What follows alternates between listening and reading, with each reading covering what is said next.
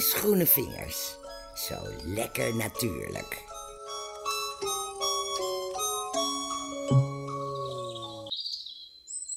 Oh ja, kijk, dit trosje is nog groen, maar hier, deze hangt in de volle zon en die is bijna zwart, rood-zwart. En dan heb ik het over de vlierbes. Die vlierbessenstruik die houdt van de zon, maar ze doen het ook wel goed in de halfschaduw. Maar dan duurt het wat langer voordat de bessen rijp zijn, zoals hier bij mij in de tuin. Maar die vlierbes die is een dominant type hoor, want hij drukt vaak andere planten weg.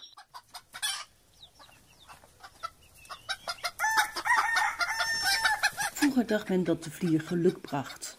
Op boerenerven was het gebruikelijk om een vlier te planten. Dat deden ze bij het huis of bij een stal. De boeren geloofden dat de vlier onweer en nare ziektes zou vermijden. En het kappen van de boom, dat zou ongeluk brengen.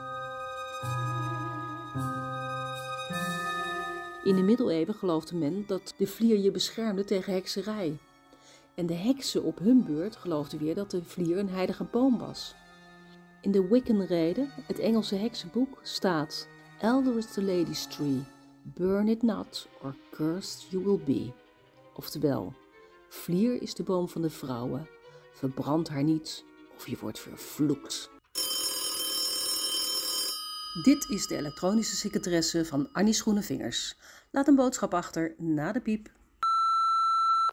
Annie, ja, hier ben ik weer. Ja, ik wou eigenlijk niet bellen deze week, maar ik moet, ik moet. Want het zit namelijk zo, eh, je weet dat ik gek ben op eh, middeleeuwse muziek. En dat doe, ik met een aantal vriendinnen. En uh, wacht, ik zal even laten horen wat we doen.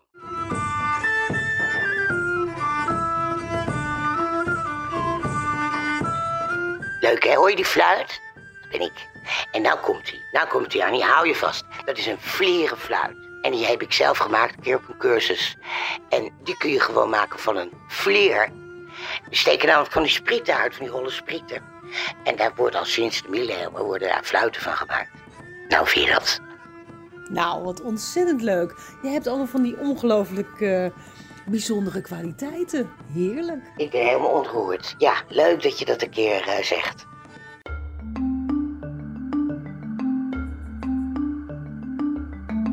Vlierbes is super gezond. Maar ik moet je wel even waarschuwen.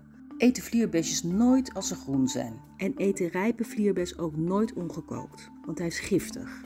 Je wordt er misselijk van, je kan er diarree van krijgen en je kan er ook van moeten kotsen. Door de vlier te koken verwijder je de schadelijke stof.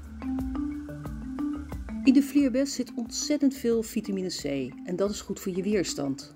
Er zit ook heel veel kalium en calcium in en dat is weer goed voor de spiergroei en voor je botten. Het is ook heel goed voor je spijsvertering en voor je gezichtsvermogen en de vorming van rode bloedcellen, blijkt uit onderzoek. Je kan er niet omheen. De vlierbes is echte superfood. Trek je klompen maar aan, want we gaan volksdansen met de vlier. Dat was een Vlaamse volksdansgroep uit België. In 1967 namen ze het nummer op Bezemdans van Pullen.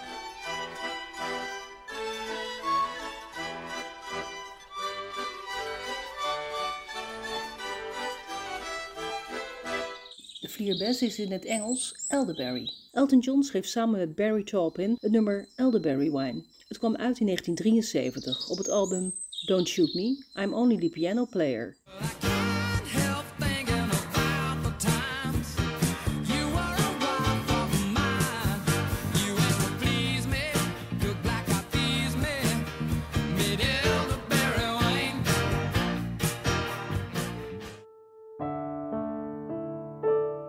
We hebben het natuurlijk over de bessen gehad, maar de bloesem die is ook heel goed te gebruiken. Die vlier die bloeit in mei en juni met van die hele grote witte bloemenschermen. Als je weet hoe die vlier eruit ziet, dan zie je hem overal staan.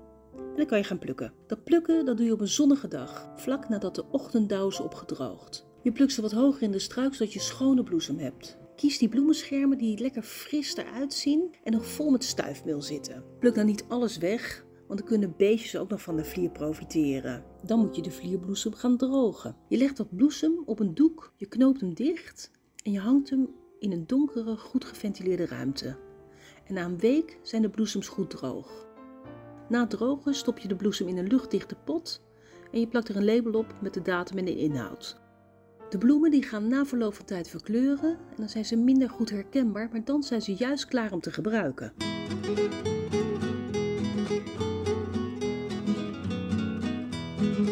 Kwam een mooi recept tegen uit Italië. In de renaissance was de vlierbloesem een geliefde smaakmaker aan het hof van de paus en de kardinalen. Het zijn beignets, kaasbeignets. Wat heb je nodig? 1 eiwit, 100 gram ricotta kaas, 100 gram boerenbelegen kaas of parmezaanse kaas, 50 gram bloem, 50 gram melk, 2 eetlepels suiker en een kopje vlierbloesems. Klop het eiwit stijf in een kom. Rasp de kaas, doe in een andere kom de ricotta kaas, bloem, melk en suiker en meng dat krachtig door elkaar. Vervolgens spatel je heel luchtig een beetje eiwit er doorheen, zodat het helemaal is opgenomen en het mengsel zichtbaar luchtig is geworden. En tenslotte gaat de vlierbloesem erin. Doe een laagje van 2 cm zonnebloemolie of andere neutrale olie in een koekenpan en die verhit je. Schep hier met een lepel een hoopje beslag in.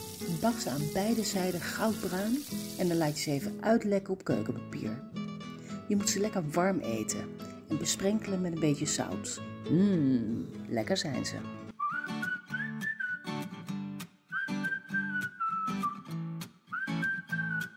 Met de vlierbes kun je natuurlijk ook van alles. Die vlierbessen die kun je overal gratis plukken en dat is natuurlijk helemaal top. Wat we gaan doen is vlierbessensap maken. Wat heb je nodig? Anderhalve kilo vlierbessentrossen en 100 ml water. Je gooit het allemaal bij elkaar in een pan, laat het 20 minuten koken. Alle bessen moeten opengebarsten zijn, zodat al het sap eruit gelopen is. Dan bekleed je een keukenzeef met een schone doek en je laat het mengsel uitlekken, zodat al het sap eruit is gelekt. Dan warm je het sap nog een keer op tot het net niet kookt. Dan neem je schone flessen, je giet het sap erin en je sluit ze af. De smaak die is stevig, maar erg gezond. Super gezond zelfs. Ik zeg proost.